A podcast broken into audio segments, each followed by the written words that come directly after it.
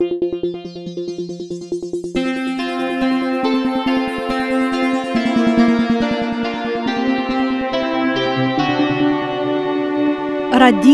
Esperanto. Saluton. Parolas Kaliningrado. La unonda decembro dimanche, el la Kaliningrada studio de Radio Esperanto vin salutas Aleksandr Korzenkov kaj Halina Gorecka.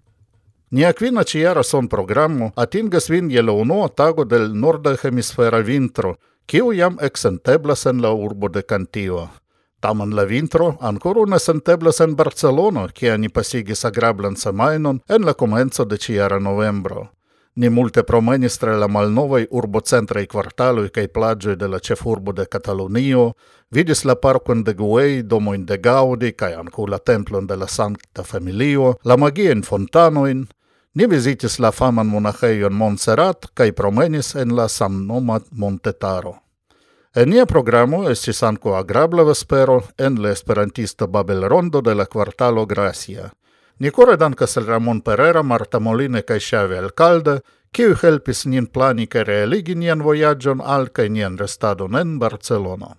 Mi am scribis pri citiu tiu mia ruslingua red giornalo, kai tie Alina jam komentis – che in citiu ircento gi estis nia unua cuna voyaggio semaino longa ne legita cun esperantista congresso au rencontigio. Cetere, citiu voyaggio estis quasu nia familia donaco al o ocasa de sia jubileo. Reveninte, ni pretigis la novembran ondon, kiu estas la antaulasta eldono en la formo de ciu monata bitgazeto kai pos du semainoi ni venos al Kauno por la tradizia Zamenhof festa rencontigio de Litovie Esperantistoi, al kies programo anco ni contribuos interale per libro presento, quizo, kai annonzo de la Esperantisto de la jaro 2019. Post mian conduco vi audos la Kaliningradan felietonon de Halina, kies temo estas iom surprize nia loĝdomo. Sekvos Esperanto novaĵoj kaj prezento de la novembra ondo. Fine de nia lasta ciara programo, cetera la plei mal longa ciara, ni presentos la bitalbumon Nenifar de Guillaume Armid, kiu longa aperis ce Vinil cosmo. Bonan auscultadon!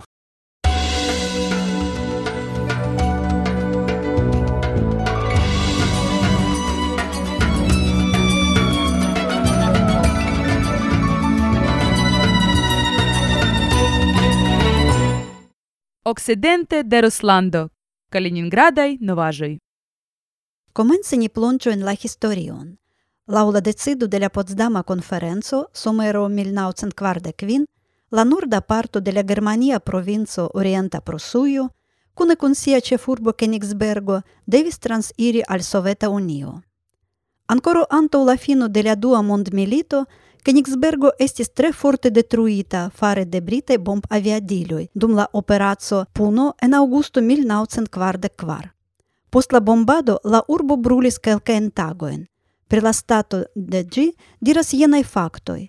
Rezulte de la bomb-atakoj estis detruitaj ĉirkaŭ dudek procentoj da industriaj objektoj kaj kvardek procentoj da loĝdomoj. La historia urbo centro, kie mankis por militaj objektoj, estis complete neniigita. La regia castello, malnova kaj nova construajo de la Universitato Albertina, kirkoi kai aliei construajoi kuŝas en ruinoi. De la dec quar jarcenta catedralo restis nur muroi. Dum la sovetunia periodo sur la komplete ruinigita cefa urbostrato, ricevinta la nomon Lenin, estis konstruitaj tiel nomataj Hruŝĉov-domoj, loĝdomoj brikaj beton betonpanelaj, Ĉefe kvin etaĝaj, kies karakteriza trajto estas malgranda areo de loĝejoj. Tiaj domoj estis konstruataj en la tuta lando kaj ilia ekstera aspekto estas ne nur malmoderna, sed eĉ malplaĉa. Ni revenu al la nuna tempo. Lige kun la futbala mondpokalo 2010, kies kelkaj maĉoj estis planitaj por Kaliningrado, la urbo ricevis monon el la ruslanda budĝeto por renovigado de domoj kiu estas survoje de la ĉefa urboplaco al la stadiono. Kaj tiuj domoj en la Lenina aveno estis renovigitaj imite al la hansa stilo. En la nuna 2019 jaro oni komencis riparlaborojn en tri dek-etaĝaj blokdomoj ĉe la kajo de la maldekstra riverbrako Malnova Pregola. En unu el tiuj domoj ni loĝas. Oni planas entute ripari dek du domojn sur la areo de la tiel nomata Musea itinero au Musea Quartalo. Temas pri la arta muzeo, kiu translokiĝis al la bela konstruaĵo de la iama Königsberga borso, situanta apud nia loĝdomo ĉe la malnova Pregolo, kaj muzeo de la monda oceano sur la transa bordo de Pregola, post la rekuniĝo de la du riverbrakoj. Kvankam ĉi tiuj laboroj ĝenas nin, precipe dum preparado kaj redaktado de la ondo kaj dum la registrado de nia podcasto, ni pacience atendas la finon de la laboroj por giui novan aspecton de nia domo, kiu baldo havos ne grizan, sed malhel verdan coloron. Ju pli belos Kaliningrado, des pli agrabla estos la vivo de ni, de niei samurbanoi, kai de la turistoi visitantai la urbon. Bonvenon de la lando.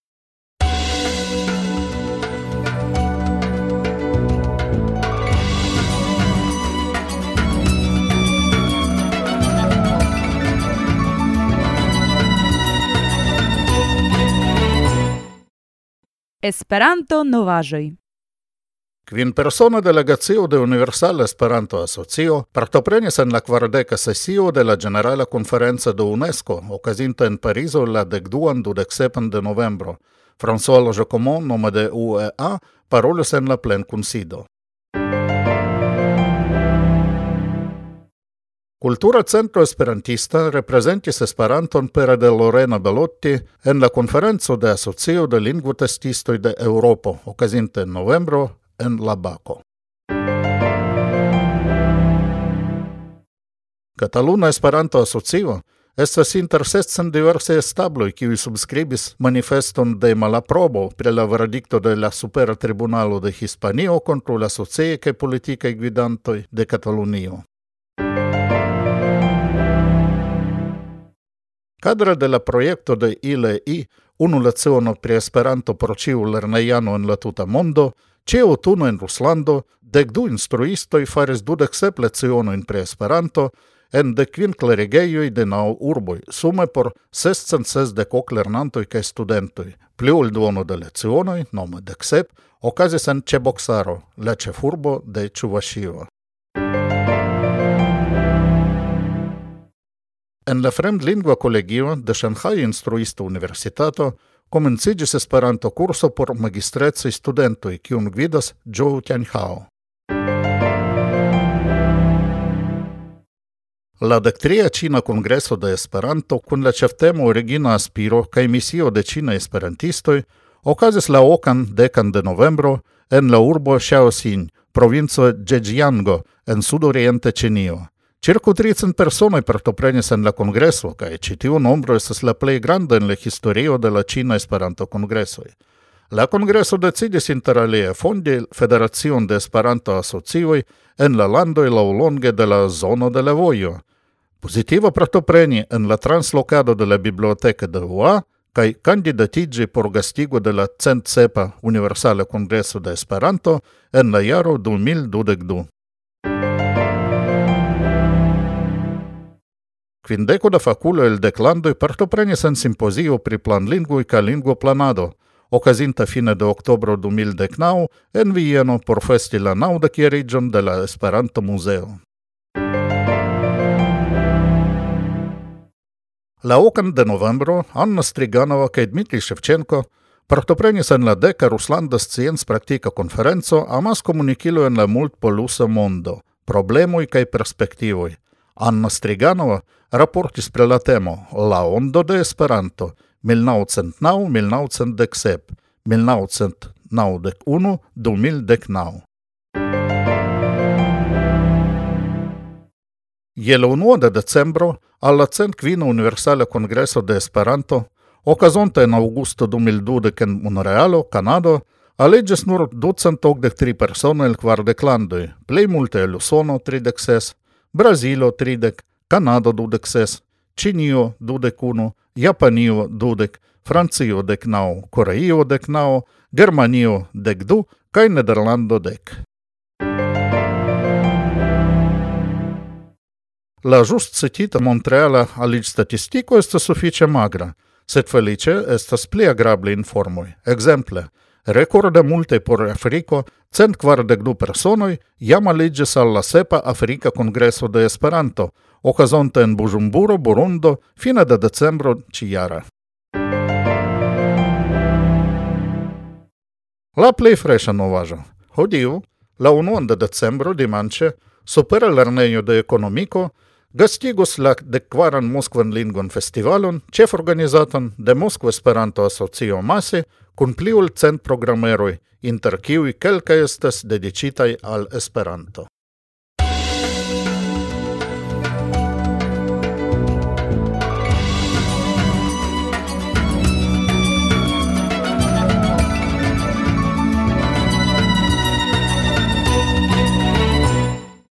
Parolas Kaliningrado.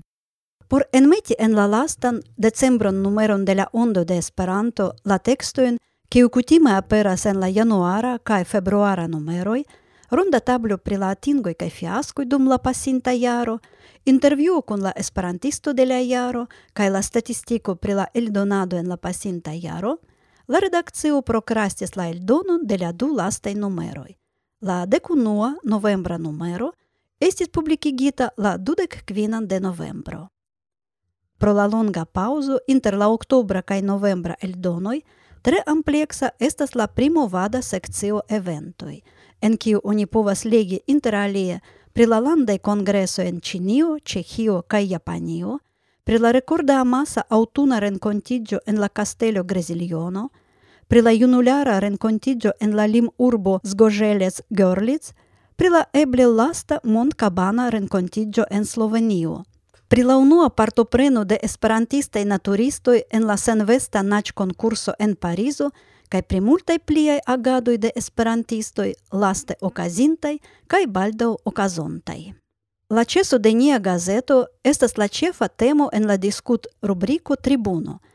Oni povas legi priajn opiniojn de Ikar Akimenka, Xavi Alcalde, Dieter Dungert, Luis Ladeira, Carlo Minaya, Paul Perarts, Roberto Sartor, Heinz Wilhelm Sprick, Trevor Steele, Lenke Sass, Jean-Luc Tortel, José Antonio Vergara. Ni represis ankaŭ la komentojn de Grigori Arosiev el Libera Folio kaj de anonimulo el Heroldo Komunikas. En la sekcio Arkivo aperis la tradicia listo de esperantaj jubileoj kaj memordatoj por decembro – Kai en la lingua sekcio oni trovas la duan parton de la verko de Vera Barandowska-Frank pri interlingua. Ciu autune Wolfgang Kirstein prezentas en la kultur sekcio de la Ondo freshen laureaton de la literatura Nobel premio. Pasintiare li povis nur komenti ne atribuon de la premio pro la skandaloj en la Sveda Akademio, sed ĉifoje li prezentis eĉ du laureatojn – por 2018 Olga Tokarczuk el Pollando kaj por 2019 Петер Хантке ел Austrio. La racconto de Wolfgang pri la ĉefverko de Tokarczuk estas tiel atento kapta, ke sen atendi aperon de Esperanta aŭ rusa traduko, antaŭ hiero en Gdansko mi ne sukcesis rezisti la atenton kaj aĉetis vere iom multekoste ŝian bele eldonitan ĉefverkon Ksengi Jakubove – la libro de Jacobo en la pola lingvo. No, ĝi estas same dika kiel piv, kaj mi certe havas nun pollingvan legaĵon por multaj jaroj. La kultursekcio enhavas ankaŭ la originalan fabelon Fiasko de Imperio de la siberia esperantisto Михаил Karatkov kaj alian interesan materialon. Kiel kutime, la numeron fermas spritaj splitoj kaj presk eraroj, plukite de Istvan Ertel kaj liaj helpantoj. Jen unu ekzemplo frazo de Edwin de Kock, kiu eble pensigos ankaŭ vin pri la kielo de la priskriba ago. Mi tie longe staris sidiĝanta sur tabulo fiksita en la embrazuro. La novembra ondo estas nekutime ampleksa, okdek du paĝa. Mi devas konfesi, Ke estas mi, kiu nevole kaŭzis tion, ja okaze de mia ronda naskiĝdato, la redaktoro Aleksandro kaj la viceredaktoro Paolo decidis prezenti kaj intervjui min kaj aperigi liston de miaj verkoj. La ĵusa mencio de mia jubileo, agrable festita en Barcelono, estas taŭga momento por danki ĉiujn, kiu gratulis min. Koran dankon, karaj amikoj! Mi memorigas, che la decembra ondo aperos la 30 de decembro cae la literatura supplemento estus publicigita en januaro. Por tiui, kiu ancora ne abonas la ondon, sed shatus conatigi con gi, ni proponas specialian oferton. Paginte la abon cotizon por 2019, vi ricevos donace ciui numeroin por 2017 cae 2018, inclusive de la literaturae supplementoi. La Ondo de Esperanto estas abonebla ĉe landaj parantoj UEA konto kaj per la internacia pagosistemo PayPal. La abonprezo estas nur dek kvin eŭroj. Plie informoj estas en niaj retejoj esperanto-ondo.ru kaj sezonoj.ru.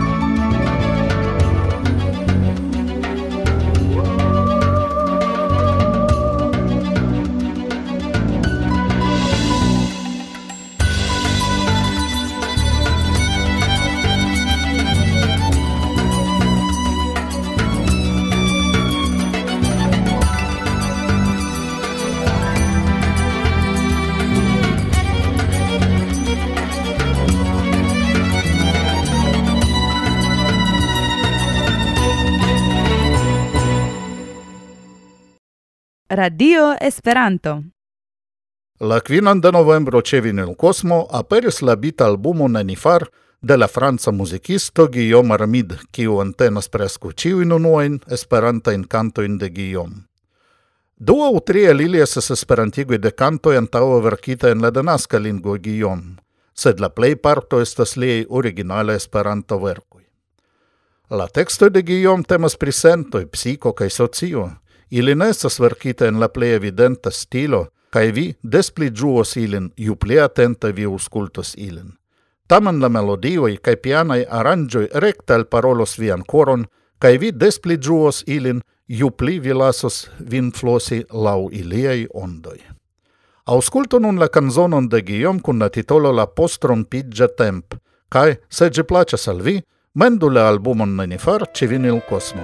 Gis reaudo! Venis la post rompigia temp La ne plu mesurebla temp Temp de la sen fina exil. En reglando del senutil.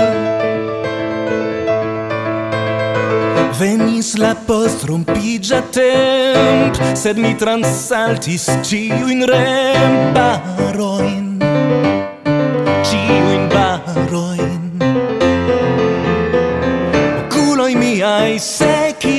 kai mi ne plu attendas vin sur la kai venis mal liberezzo danca la gvatado de la manc igis captil per iu truc la antaue milda lit Venis mal liberezzo dan calvi Sed mal plenas jeran coro Mia coro. Oculoin miain briligas joy Mi ne plu attendas vin sur la voi.